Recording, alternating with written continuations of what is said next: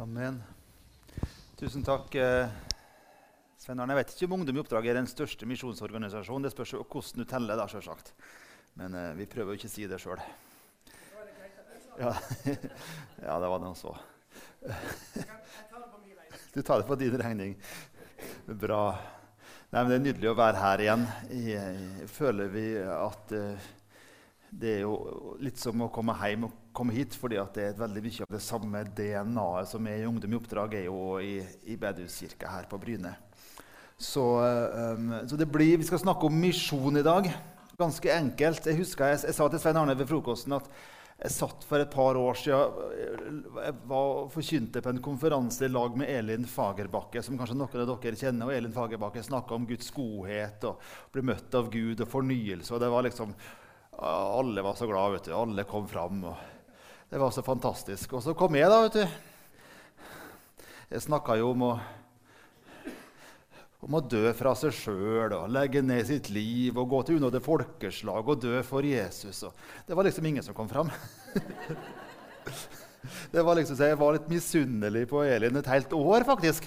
Elin, altså, Gud, Hvorfor kunne ikke jeg få den tjenesten som Elin har, liksom å forkynne om Guds godhet? Må jeg liksom bare forkynne om å dø av seg sjøl?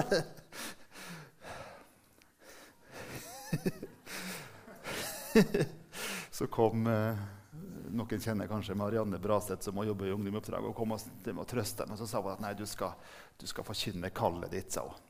Derfor har vi gjort det. Poenget er jo med korset. vet du. Både Elund jeg forkynner korset. Men poenget, du, kan, du må komme til korset fra to veier. Og det er det vi skal snakke om i dag. Først så kommer du til korset for å få liv. Der skjer det en transaksjon, om du vil. Der får du liv, du får tilgivelse, du får ny identitet. Du får eh, arverett til himmelen. Alt det får du i korset i den transaksjonen. Din synd er sona for. Men så er det jo en annen vei som går til korset. og Den er du òg kalt å gå på. På den første så får du liv. På den andre veien så må du legge ned ditt liv. Jesus sier at eh, om du ikke tar opp ditt kors og følger med, så kan ikke du være min disippel. Og det å ta opp sitt kors Det var jo en merkelig greie å si før han skulle dø på korset. For Hvordan kunne disiplene vite at han skulle dø på korset? Så det å ta opp sitt kors forsto disiplene hva Jesus snakka om da? For det var jo død han opplagt snakka om. for det, jo, det, det, er jo det vi forstår. Jo, Selvsagt så visste disiplene hva det ville si å ta opp sitt kors. For det var jo de dødsdømte som måtte gå paradegang gjennom byen. Som gikk med tverrbjelken av korset på skuldrene sine. Så det å ta opp sitt kors, det visste disiplene og alle andre som hørte. Hva betydde det? Jo, det betydde du er jo dødsdømt, da. Derfor er korset egentlig et sånn dødssymbol. Det fins jo på gravsteinene rundt omkring på alle kirkegårder i Norge så behandler vi korset så lettvint, liksom. Poenget er at hadde, hadde, hadde Jesus blitt født og levd og henretta under den franske revolusjonen, så ville vi alle gått med giljotina rundt halsen. Til der verdig en giljotin vil jeg fly. Det blir litt sånn makabert å tenke sånn, men det er egentlig det korset er. Et, et dødssymbol. Et henrettelsesvåpen. Så når Jesus sier den som, følger, den som ikke tar opp sitt kors og følger etter meg, kan ikke være min disippel Disiplene forsto veldig godt hva han snakka om, men så forstår ikke vi det alltid fordi vi er blitt så vant til begrepsbruken. Um, Svein Arne sa at jeg skulle stå utafor her og, så, og så selge en bok, og det skal jeg gjøre. For det, her, det handler jo om misjon, og det er det vi skal snakke om i dag. Jeg snakka med en forlagsredaktør for et Jeg kan si det her, sier vi blant venner. jeg kan si det her, men eh, Ikke skriv det her på Facebook. Men, men um, jeg snakka med en forlagsredaktør for et par år siden, halvannet år siden som sa at Andreas, vi har slutta å utgi misjonsbøker. for Det selger ikke allikevel. Det selger så dårlig. Så tenkte jeg meg selv, jeg skal jammen bevise at den tar feil. Så da måtte jeg bare skrive en ny misjonsbok. Og den ble faktisk solgt ut første opplaget på en måneds tid. Så, så, så måtte, Svein Arne måtte innom bokhandelen på, her på Bryne og, på, og, og, i Stavanger tror jeg, for å bare få tak i noen bøker som lå der. Så jeg har med meg ca. 20 bøker. Men den har, den har, gått i nytt trykk nå, da, så jeg, så jeg skal sende en melding til han fyren. You are wrong, my friend. det her handler egentlig om å fortelle historien om, om eh, bølger av misjonærer. Så er det noen som stusser over tittelen 'Offerlammets belønning'. Handler det om korset, eller hva handler det om? Jo, historien er jo det at eh, to unge tyske misjonærer hadde møtt en frigitt slave fra Karibien, i Danmark faktisk. For Kongen Dan kongen i Danmark var en, var en, kristen mann og forsto misjon. Og han var med i et internasjonalt misjonsforetak som var starta i Tyskland. Da er vi tilbake på begynnelsen eller første halvdel av 1700-tallet. Og så hadde kongen i Danmark invitert en frigitt slave fra Karibien til Danmark. og Der var det en tysk greve som fikk møte han og noen andre tyskere. Og så sier denne her frigitte slaven, opprinnelig fra Afrika, jobba på plantasjene i Karibien, så spør greven hvordan, hvordan er det med kirkeliv i Karibien. Nei, vi, vi, får ikke gå i kirka, vi som er slaver, sier han. Vi får, ikke høre evangeliet. Og det rysta greven så kraftig at han mobiliserte unge mennesker til å reise til Karibien som, som misjonærer.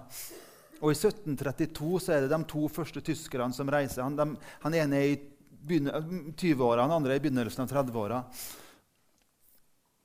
Og Så tar de båten fra Danmark til Karibien. Og så visste de ikke det, om det var mulig i det hele tatt å komme inn til slavene. Så de bestemte seg for om for å kunne nå slavene, så, så må vi kanskje, kanskje må vi selge oss sjøl som slaver og sjøl bli slaver. Det er vi villige til å gjøre dersom det trengs. Og så ropte de fra, fra båtrekka idet skipet tar av, eller drar ifra Danmark, må lammet som blei slakta, motta belønningen for sin lidelse. Og så blei det på mange måter denne her, det, slag, det ble et slagord for den tyske misjonsbevegelsen som starta på begynnelsen, eller på første halvdel av 1700-tallet, må lammet som ble slakta, motta belønning for sin lidelse. Og Da er belønningen det at mennesker som er utestengt fra evangeliet, men som Jesus døde for Utestengt fordi de aldri har hørt eller aldri vil få muligheten til å høre, om ikke da noen krysser en grense og eventuelt selger seg sjøl som slaver, om nødvendig. Når de da får høre og kan få lov til å ta imot evangeliet, den som vil For det er ikke frelse i noe annet navn under himmelen. Når de da tar imot, så blir det da belønningen til Jesus for lidelsen han gjorde på korset. Og så blei det slagordet for denne tyske bevegelsen. Som har prega norsk misjon. Det var dem som inspirerte bl.a. NMS til å starte opp i 18. 42, var det det? Herren ut-bevegelsen. Offerlammets belønning den kan du få kjøpe for 2,99. Den er ganske lettlest. I tilfelle du er litt engstelig for bøker, så er den ganske tynn. Så du trenger ikke være engstelig. Den er ikke akademisk i formen. Han er veldig enkel. Så kommer Jeg til å stå. Jeg har 21, 22 bøker, tror jeg har. Så vi skal stå der ute også. Kan jeg håpe å bli kvitt dem i dag, for jeg har ikke plass i bagasjen på vei hjem. Så du, du, får få resten, du, Svein. Arne, det, som ikke blir solgt. 299 kroner kan du betale med VIPS. Så, så det er bra. Vi skal, vi skal, snakke om, vi skal snakke om misjonskall i dag. Og ordet 'kall' Den første opplevelsen eller første sånn magefølelsen når du hører det ordet misjonskall Jeg husker jeg var på et møte, så var det ei jente på 15 år eller hun så i hvert fall ut som hun var 15 år, som da svarte på spørsmålet mitt. Jo, jeg blir redd, sa hun når jeg hører misjonskall. Oh, ja, for tenk om Gud kaller meg som misjonær til Grønland. Ja, det kan jo skje. Det kan jo skje. Men ordet 'kall' i Det nye testamentet det er brukt mange ganger. og Det, det er egentlig brukt på, på, tre måter. For det første er det brukt som det å, rett og slett å, å rope høyt. Med høy stemme rope til noen. Men det kan òg bety nummer to, å, å, gi noen et navn. Som engelen sa til Maria, du skal kalle ham Jesus. Altså gi, gi navn til noen. Men det kan også bety som et tredje punkt, det kan også bety rett og slett det å, å gi noen en oppgave eller en tittel. Jesus sa til Peter at du, du, heter Simon, men jeg skal kalle deg Klippen. Med andre ord, på deg så skal jeg bygge min kirke, og helvetes porter skal ikke få makt over deg. Over den. Klippen Peter, som da ble hans oppgave å kalle og lede den første kirka. Så det er vi må rope høyt, gi noen et navn eller gi noen en oppgave. Det er på en måte den bibelske måten, eller det nye testamentet måten å, å snakke om, om, kall på. Og, og, og når, når, vi snakker om kall, så har vi ofte den forståelsen at vi snakker om, om, å, om å, utføre en oppgave. Men i Det nye testamentet så er faktisk ordet 'kall' oftere brukt om hvem vi skal være, enn hva vi skal gjøre. Som andre ord, vi er kalt til å være istedenfor kalt det vi skal gjøre. Um, for eksempel, hvis du, du leser 1. Peters brev, for eksempel, og du kan ta et, sånt, et ordsøk på kall der, så ser du at vi er kalt til et hellig liv. Kallet vårt i 1.15. Kalt til å leve et hellig liv. Vi er kalt ut av mørket. Og så står det òg i, i 2.21 at i 1. Peter. Vi er kalt til lidelse. Det er ikke så mange som snakker om, kanskje. Lidelseskallet. Men det er der mange plasser i Det nye testamentet. Og så er vi kalt til, I det tredje kapittelet så står det at vi er kalt til å arve. Vi er arvinger av Guds rike. er vi kalt til. Og I kapittel 5 så står det at vi er kalt til evig frelse.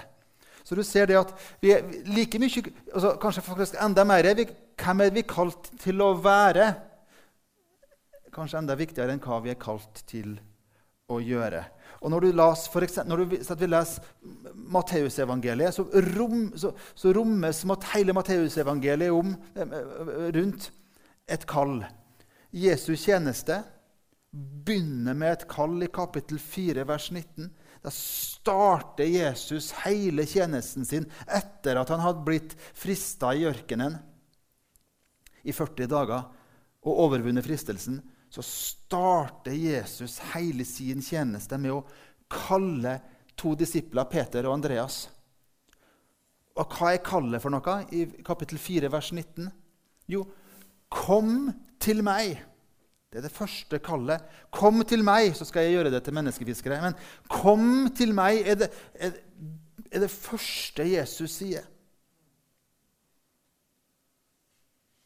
Og så slutter Matteusevangeliet med et annet kall i Matteus 28, vers 19, som vi, som vi hørte. Gå og gjør disipler.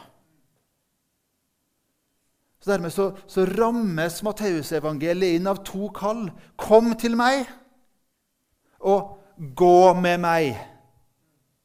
Ja, gå med meg, det er ikke det Jesus sier. Jo, det er faktisk det Jesus sier. For han sier at jeg, se, jeg er med dere alle dager. Så lenge verda står, som det står på nynorsk. Det er mye bedre. Så lenge verda står. Altså, jo, kom til meg, gå med meg. Rammes da hele Matteusevangeliet inn med. Og og det første er det første. Det andre er det andre. For vi må først komme til korset for å få liv. Og det er der vi finner vår identitet. Det er der vi får Jesus som storebror. Og det er der vi får Gud som far. Og det definerer alt hvem jeg er. Jeg er utrolig heldig at jeg slipper å definere min egen identitet. Jeg slipper å drive og finne ut om jeg er gutt eller jente, for det er noen andre som har bestemt. Så jeg slipper å drive og jobbe med de her spørsmålene om identiteten min, for det har ikke jeg bestemt sjøl. Det har Gud bestemt da han skapte meg. Og en utrolig stor byrde er tatt fra skuldrene mine. Fordi at det er Gud som har gitt meg identiteten min. Og den får jeg når jeg får følge det første kallet 'Kom til meg'. Problemet er hvis jeg legger identiteten min i det andre kallet. For det handler om hva vi skal gjøre. Hvor Jesus sier, gå med meg. Der finner ikke jeg identiteten min, men der finner jeg hensikten min. Guds plan finner jeg der. Men ikke identiteten min. Den finner jeg i det første kallet. Så må ikke de, for Hvis jeg der legger identiteten min i hva jeg gjør, så, så kan det bli litt sånn fare på ferde. Identiteten min er først og fremst at Jesus er storebroren min, og Gud er faren min. Og Den hellige ånd bor inni meg.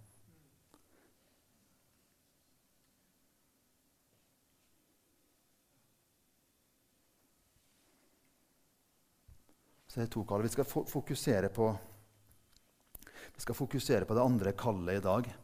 Og vi skal snakke om misjon. Um, når vi leser gjennom Bibelen, så, så ser vi det, det, det, det, er noen røde tråder. Og en rød tråd som vi ser i forhold til kall, er at Gud kaller enkeltmennesker. Han legger sin hånd på enkeltpersoner som han av en eller annen grunn plukker seg ut. Og en sånn fellesnevner er at han sjelden kaller den kvalifiserte. Som regel er det folk som alltid sier nei når de blir kalt. De må, de må kjempe med kallet, for de føler seg ikke kvalifisert. Men samtidig så ser vi at Gud kvalifiserer den han kaller. Så han kaller ikke den kvalifiserte, men han kvalifiserer den han kaller. Så ser vi jo at Gud sjelden spør hva er det du kan gjøre. Hva kan du gjøre? Nei, han spør Nei, Han spør ikke hva du kan, unnskyld, han spør ikke hva du kan, men han spør om hvis du kan, er du villig? Vi skal ta noen eksempel. Ta Moses. Fulgte jo dette mønsteret.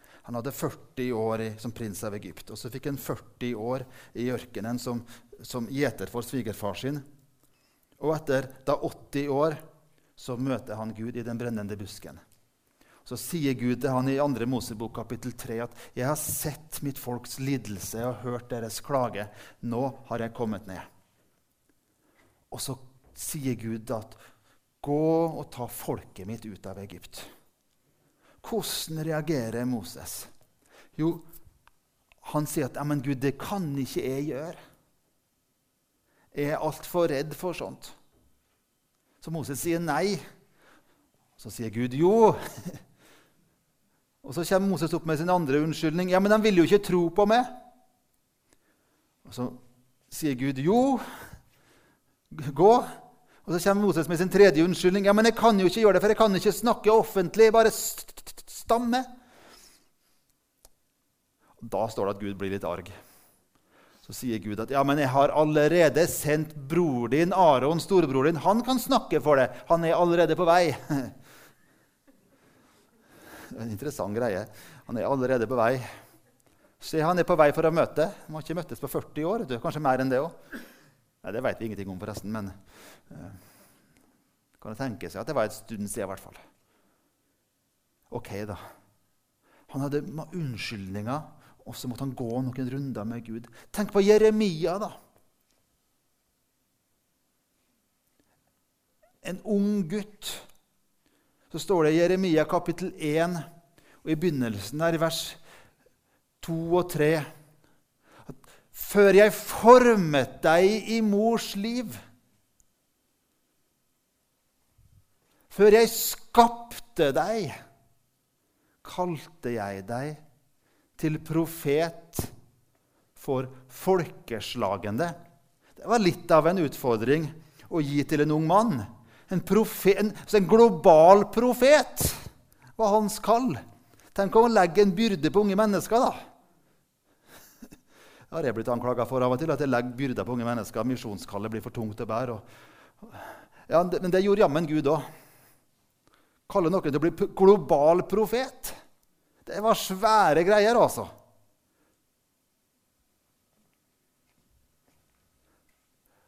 Og så må Jeremia ha en unnskyldning, han òg. Så sier han, ja, men Gud, jeg kan jo ikke det. Det er jo altfor masse for meg. Jeg er jo altfor ung.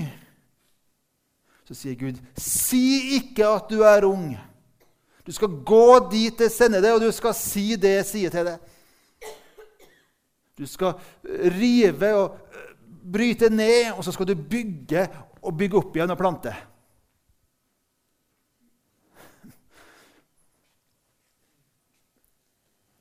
Tenk på Jonah. da. Jonah hadde også unnskyldning når Gud kalte ham til Ninive. Jonah sa aldri i livet om jeg skal reise til Ninive og forkynne for dem. Så han reiste helt til den vestlige delen av Spania, han lengst mulig bort, bare for å unngå Guds kall. For han sa hvis jeg reiser til Ninive og forkynner om Guds omvendelse og, og, og, kall, så kommer Gud til å, å spare den byen. Ninive var fienden til Israel. Vi kan sammenligne Ninive med, med, med, med Nazi-Tyskland i 1938. Eller vi kan sammenligne det med Russland fra et ukrainsk perspektiv. Det var på mange måter Israels forhold til Ninive. Og Jonah tenkte de kan heller brenne i helvete. Derfor ville ikke han gå, så han måtte også kjempe med Gud. Og til slutt så måtte han gå. Han ville heller, altså, nei, han sa å nei, han flykta til meg fra Guds kall. For han sa for jeg, jeg veit hvis, hvis at de omvender seg så vil Gud spare byen. Og det vil ikke jeg skal skje, for jeg vil at de skal dø. For jeg hater de folka der. Så kommer jo Jonah til Ninive, og de omvender seg. Voldsom omvendelse. Til og med dyra må faste. Til og med dyra må Det er en crazy historie. Og Jonah blir jo rasende på Gud da, for at han faktisk sparer byen. Det var kanskje derfor han forkynte så lite til dem. og Han hadde bare én setning. Han ville ikke at han skulle omvende seg. Peter, da. Peter i Lukas kapittel 5 møter også Jesus. Jesus har akkurat begynt tjenesten sin. og Han spør om han kan få sitte i båten til Peter, for det er så masse folk der. og Peter har vært ute og fiska hele natta og har ikke fått en eneste fisk. og Sitter litt sånn halvdøse sikkert. Og, og så sier, Når Jesus er ferdig med undervisningen i Lukas 5, så sier da Jesus, nei, Jesus sier til Peter at gå ut og prøv igjen. da. Kast ut garnet på nytt. På dypt vann denne gangen. Alle som driver med fiske, vet at det var veldig dumt. Både fisk, Fiske får du på grunt vann, i hvert fall der. Og, og, og, og, i hvert fall ikke om dagen. Men så svarer Peter ok, det var en dårlig idé, men på ditt ord så skal jeg gjøre det. Så får de så masse fisk og må ha hjelp fra andre båter. Og Så faller Peter ned på kne foran Jesus og sier, 'Herre, gå bort fra meg, jeg er en syndig mann.' Det var Peters unnskyldning. Han var for syndig. Og så sier bare Jesus ganske enkelt, 'Kom til meg, så skal jeg gjøre det til menneskefisker'. Felles for alle dem her, her Moses, Jeremia, Jonah, Peter vi skal snakke om Jesaja etterpå, er at de visste ikke hva som kom til å skje. Peter visste ikke det at det skulle følge tre år med suksess og berømmelse før et stort personlig nederlag hvor han fornekta Jesus. Han visste ikke at han skulle komme i fengsel. Han visste ikke det at han skulle spise mat sammen med hedninger. Han hadde ikke peiling på alt det som skulle skje. Han visste ikke at 36 år, 35 år seinere skulle han bli henretta sjøl i Roma under keiser Nero, men da opp ned på et kors. Etter eget ønske, for han var ikke verdig, ville, ville ikke dø på samme måte som sin herre og frelser Jesus. Han visste ikke alt av det. Jeremia visste ikke at han kom til å havne i en brønn. Jeremia visste ikke at han kom til å bli så deprimert og lei seg at han skulle forbanne dagen han ble født, på grunn av Guds kall. Han visste ikke om alle problemer og utfordringer han måtte møte. Moses hadde heller ikke peiling på det som skulle skje. Så det er noe med Guds nåde, at han åpenbarer akkurat det som vi trenger å vite. Men det som Gud spør etter, er du villig til å si ja når jeg kaller det? Den jenta på 15 år som sa 'jeg er redd for å bli kalt til Grønland'.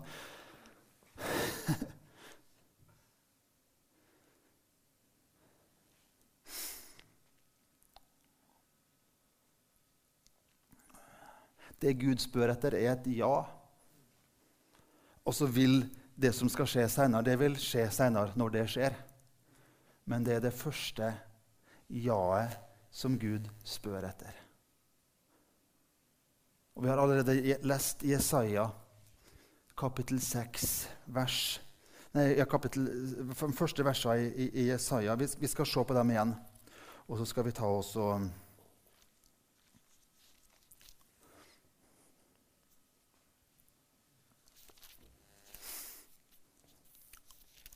Se på et par ting. I det året da kong Ussia døde, så jeg Herren sitte på en høy og opphøyd trone, og kanten på kappen hans fylte tempelet. Tempelet var jo stedet hvor Guds nærhet var manifestert på jorda. Så var det bare kanten på kappa som fylte tempelet.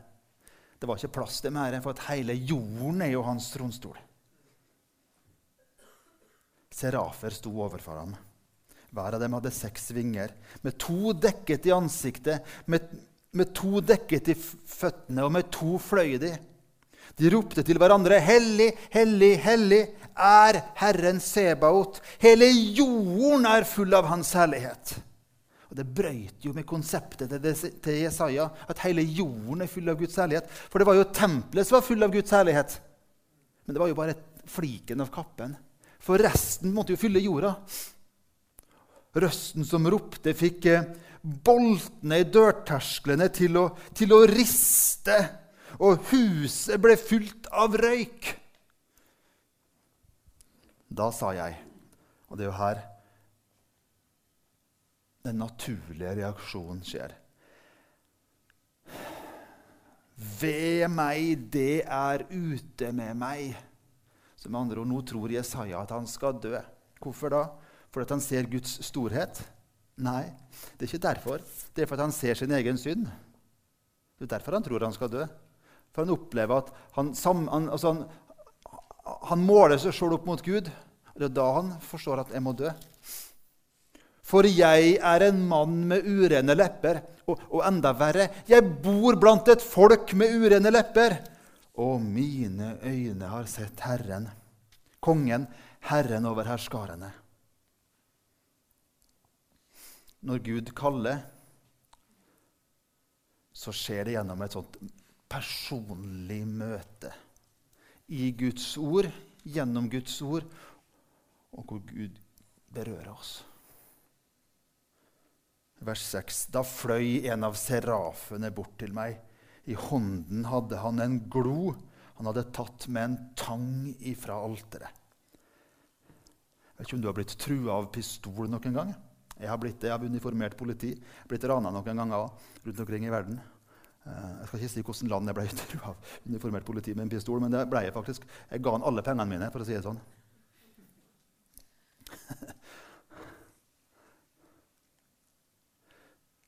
Jeg vet ikke hvordan Jesaja følte når engelen sto med gloa foran han, rødglødende. Han tror han skal dø.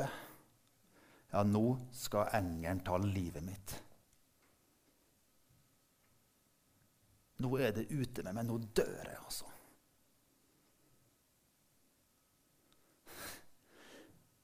Og i det øyeblikket gloa berører ansiktet så hører du bare pss-lyden.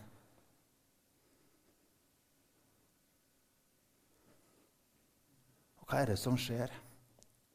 Jesaja får et arr i ansiktet som skal følge han resten av livet. Og Jeg vet ikke hvilken kvalitet det var på speilene i Israel på den tida. Men hver gang Jesaja skulle se et speilbilde av seg sjøl resten av livet, så ville han se arret på ansiktet sitt fra den rødglødende kullet som engelen tok bånd på. Og hver gang han møtte et ny person, så ville han se det at øynene til de nye han møtte, ville flytte seg ned på arret. Og så ville alle sammen tenke, ville da Jesaja føle, å, nå stjeler de arret mitt. Og noen ville spørre, har, hva var det som skjedde med munnen din? Du har et så stort arr. Og så kunne Jesaja si det var den dagen Gud merka meg for resten av livet. Den kallsopplevelsen merka meg. Jeg har et Guds merke på kroppen. For det var det som skjedde videre. Se, denne har rørt ved leppene dine. Din skyld er tatt bort. Din synd er sonet. Det var det første kallet. Han fikk komme til korset før korset hadde på en måte, blitt oppretta, for å si det sånn. Han fikk komme til korset, og så fikk han fred med Gud. Han slapp å dø i møte med Guds hellighet. Han fikk si ja til det første kallet. Det var det første som skjedde her. Og så er det den andre kallet skjer etterpå. Da hørte jeg Herrens røst. Han sa, 'Hvem skal jeg sende?' Og hvem vil gå for oss? Legg merke til flertallsformen. Hvem vil gå for oss? Det er treenigheten allerede der. Jeg sa 'jeg', eller 'her er jeg'. Send meg. Mønsteret er som følger gjennom alle disse her historiene, er at det begynner med et møte med Guds hellighet. Om det er foran en brennende busk, ta av deg på føttene, ta av deg sandalene, for plassen du står på, er hellig, sier Gud til Moses. Peter faller ned på kne. Jonah er villig til å dø og kaste seg sjøl på sjøen.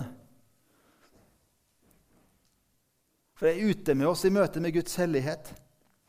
Det nummer to som skjer, det er at det blir en gjenopprettelse av relasjon gjennom tilgivelse, gjennom forsoningen. Og en omvendelse. Det tredje som skjer, er et kall til tjeneste. Hvem skal jeg sende? Hvem vil gå? Og det fjerde som skjer, er ja. Det er jaet til Moses og til Jeremia og til Peter og, og mange andre.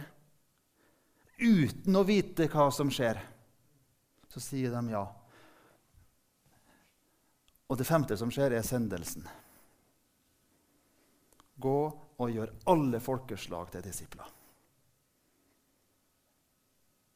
Og jeg tror det, når du ser på verden i dag så har det aldri i verdenshistorien kommet flere mennesker til tro på Jesus enn hva som er tilfellet i dag. Kirka har aldri vokst så raskt globalt sett som i dag. Bare i løpet av de siste 20 åra har flere muslimer kommet til tro på Jesus enn i 1400 år samla tidligere i historien. På 20 år har det flere muslimer kommet til tro enn på 1400 år. Iran har den største vekkelsen akkurat i dag i hele verden. Det er der det kommer flest til tro. Hvor mange muslimer har kommet til tro i Iran de siste 15 åra? Det er ingen som vet. Noen sier 800 000, noen sier 1,8 millioner. Det er ingen som vet.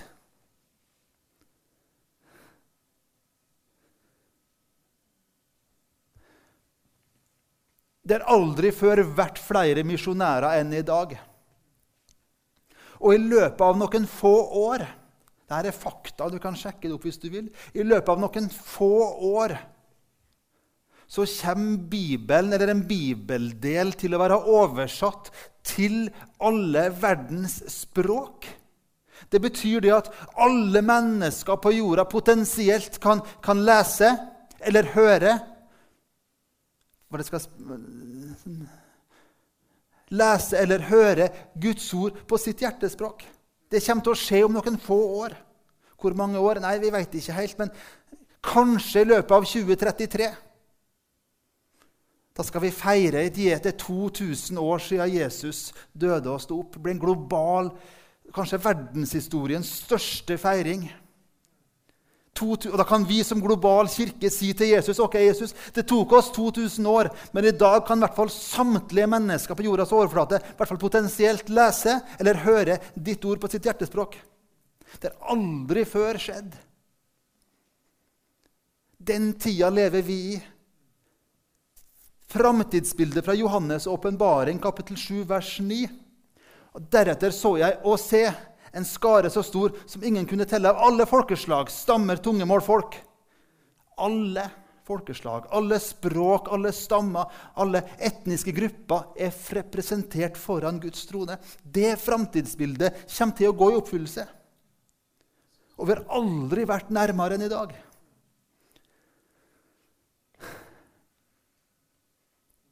Det er det som skjer globalt sett i verden. I dag så finnes det en kirke i alle verdens land.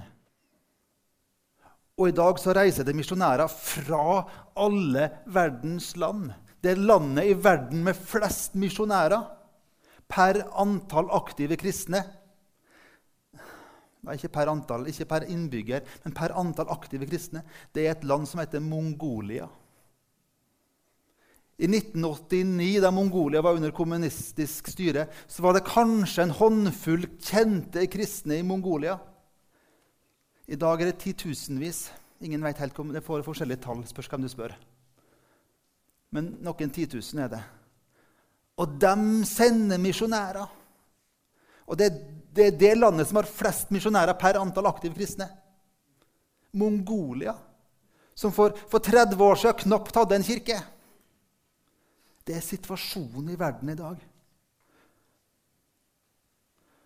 Og jeg tror det at når vi ser på det som skjer, og vi ser på, på Kirken i Norge, og du ser historisk på det, så tenker jeg følgende vi snakker om misjonskall, for det er det vi snakker om Vi snakker om det andre kallet, og vi snakker om det å, å gi livet sitt for at mennesker som aldri har hørt evangeliet, og som aldri vil høre evangeliet, skal få høre evangeliet. Hvem er det som vil si ja til å gå? Jeg tror det at det er ikke alle som har det kallet. Kanskje bare noen få, kanskje en, noen prosenter som har det kallet. Det er ikke et kall som gjelder for alle. Alle er kalt til misjon. Alle er vi kalt til å være med og oppfylle misjonsbefalingen. Men i det så finnes det ulike roller vi kan spille. Men den rollen som handler om å faktisk krysse grenser og reise og bo og lære et språk på et sted hvor evangeliet aldri før har blitt forkynt, det er et kall som gjelder noen få.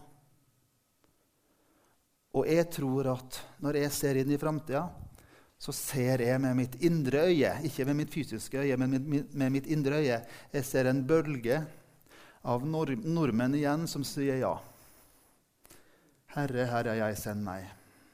Jeg har bedt denne bønna i mange år om at Herre, høstens Herre, må du drive arbeidere ut til din høst, fordi at høsten er stor og arbeiderne få, særlig på de plassene i verden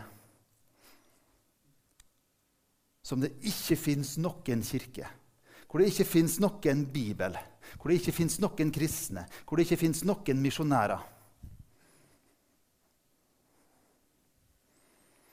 Jeg har vært på noen sånne plasser. Og drømmen min har vært å, å bo på et sånt sted. Men vi ble kalt tilbake til Norge.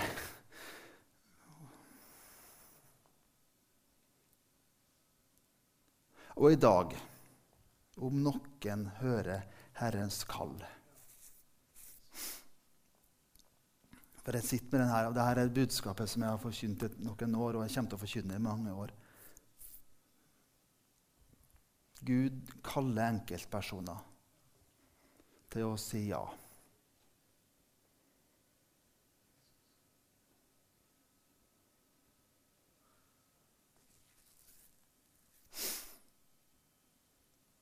Jeg har fortalt denne historien mange ganger før. Så skal vi slutte med, med den.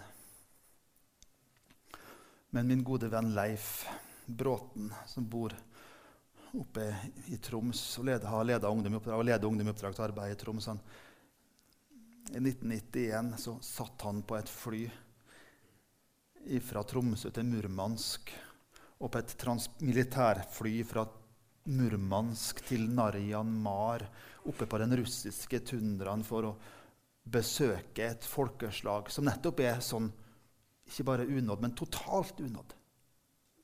Ingen kristne, ingen kirker, ingenting. For å forkynne evangeliet. For første gang.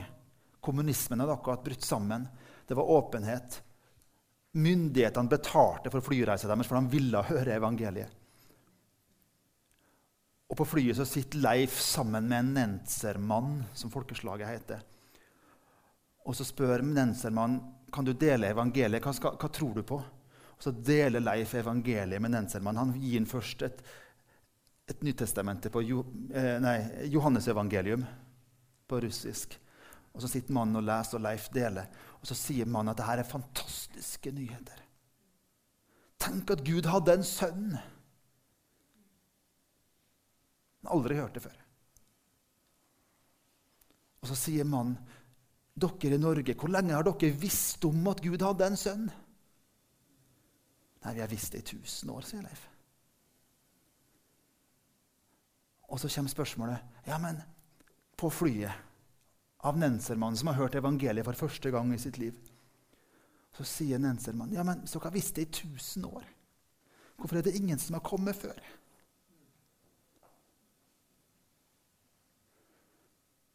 Og Leif måtte be om unnskyldning for at vi ikke har kommet før. Han kunne snakke for seg sjøl, han kunne ikke snakke for andre. Men han sa unnskyld. Kanskje var ikke jeg villig til å ta store nok risker. Eller risiko. Kanskje var jeg for feig. Kanskje, Jeg veit ikke. Jeg måtte be om unnskyldning for at vi ikke har kommet før.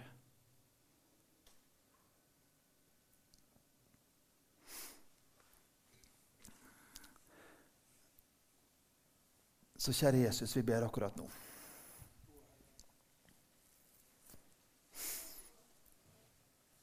Du kaller oss. Først av alt så kaller du oss til å komme til det.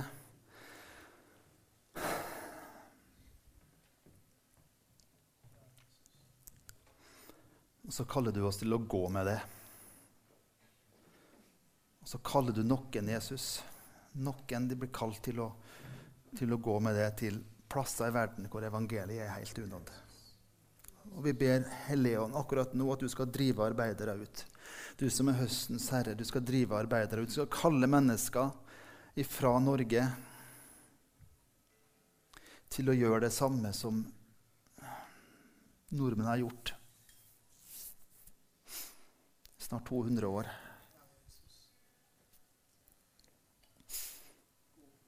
Kom, Hellige Ånd.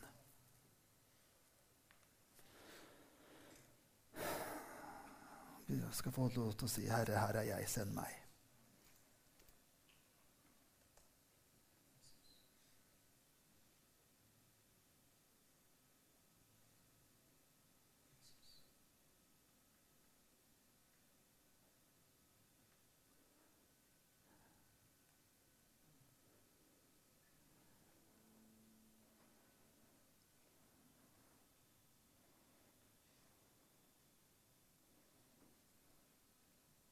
Vi skal ta og invitere til forbønn straks.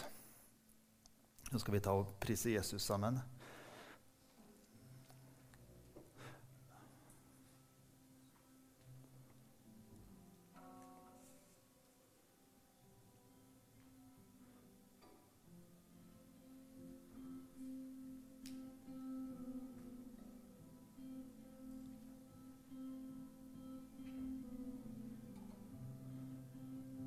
Hvis, du, eh, hvis du er i denne kategorien som vi har snakka om, som, som um, som lurer på om, om, du er blant dem som har det vi kaller for misjonskall. Det trenger ikke være til Grønland, som 15-åringen var redd for. Men det kan være til Grønland. Men det kan òg være andre plasser i verden. Ikke sikkert du har peiling i det hele tatt på hvor det skulle være hen. Og det er ikke så viktig heller. Men jeg vil veldig gjerne be for det, så du kjenner på at ja, jeg har egentlig, jeg har egentlig et, et misjonskall. Jeg lurer på egentlig det. Så tippa jeg at noen av dere Eller tippa jeg, jeg vet ikke. Det sitter noen i salen som da, de, da dere var unge, så lurte dere på ja, har jeg misjonskall eller ikke. Så ble det aldri noe med det fordi at av ulike greier Og det er ikke sikkert det var galt at det ikke ble noe. Kanskje var det slik det skulle være. Men Kanskje kommer det opp igjen.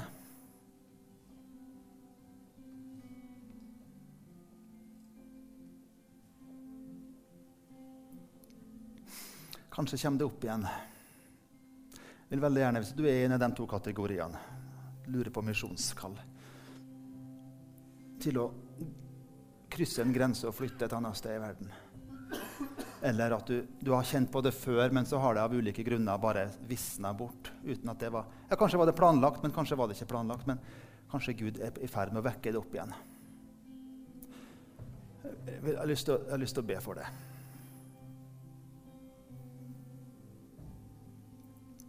Så kan du få lov til å søke forbønn. Um, men vi har en lav terskel på forbønn, så det kan være også andre ting. Det trenger ikke være kun sånne ting. Men, men hvis at du har det sånn, så Ja, jeg, jeg ber noe. Det er ikke sikkert vi får bedt for personlig. Så hvis, hvis du er i den kategorien, vil ikke du bare rekke opp hånda di, og så skal jeg ta og bare bere, bere bare en bønn. Mm, ja. Mm. Gud velsigne dere. Mm, kom, Hellige Ånd. Kom, Hellige Ånd. Jeg ber for dem som har hendene i været. Vi ber om at du skal velsigne dem, far ber om at du skal, skal velsigne dem med, med, med, mm, med, kraft.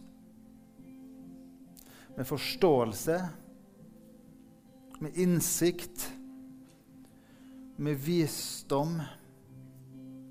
Må du velsigne dem med relasjoner, far. Kom, du Hellige Ånd. Kom, du Hellige Ånd. Vi ber om at du skal bekrefte kallet ber om at du skal bekrefte kallet gjennom andre, far. Kom, du Hellige Ånd. Kom, du Hellige Ånd. Gjør ditt verk. Gjør ditt verk, Hellige Ånd. Gjør ditt verk, vi ber. Gjør ditt verk. Vi ber om en, at du skal styrke ryggraden til å kunne bære kallet. Vi ber om mot, far. I ditt navn vi ber. Amen.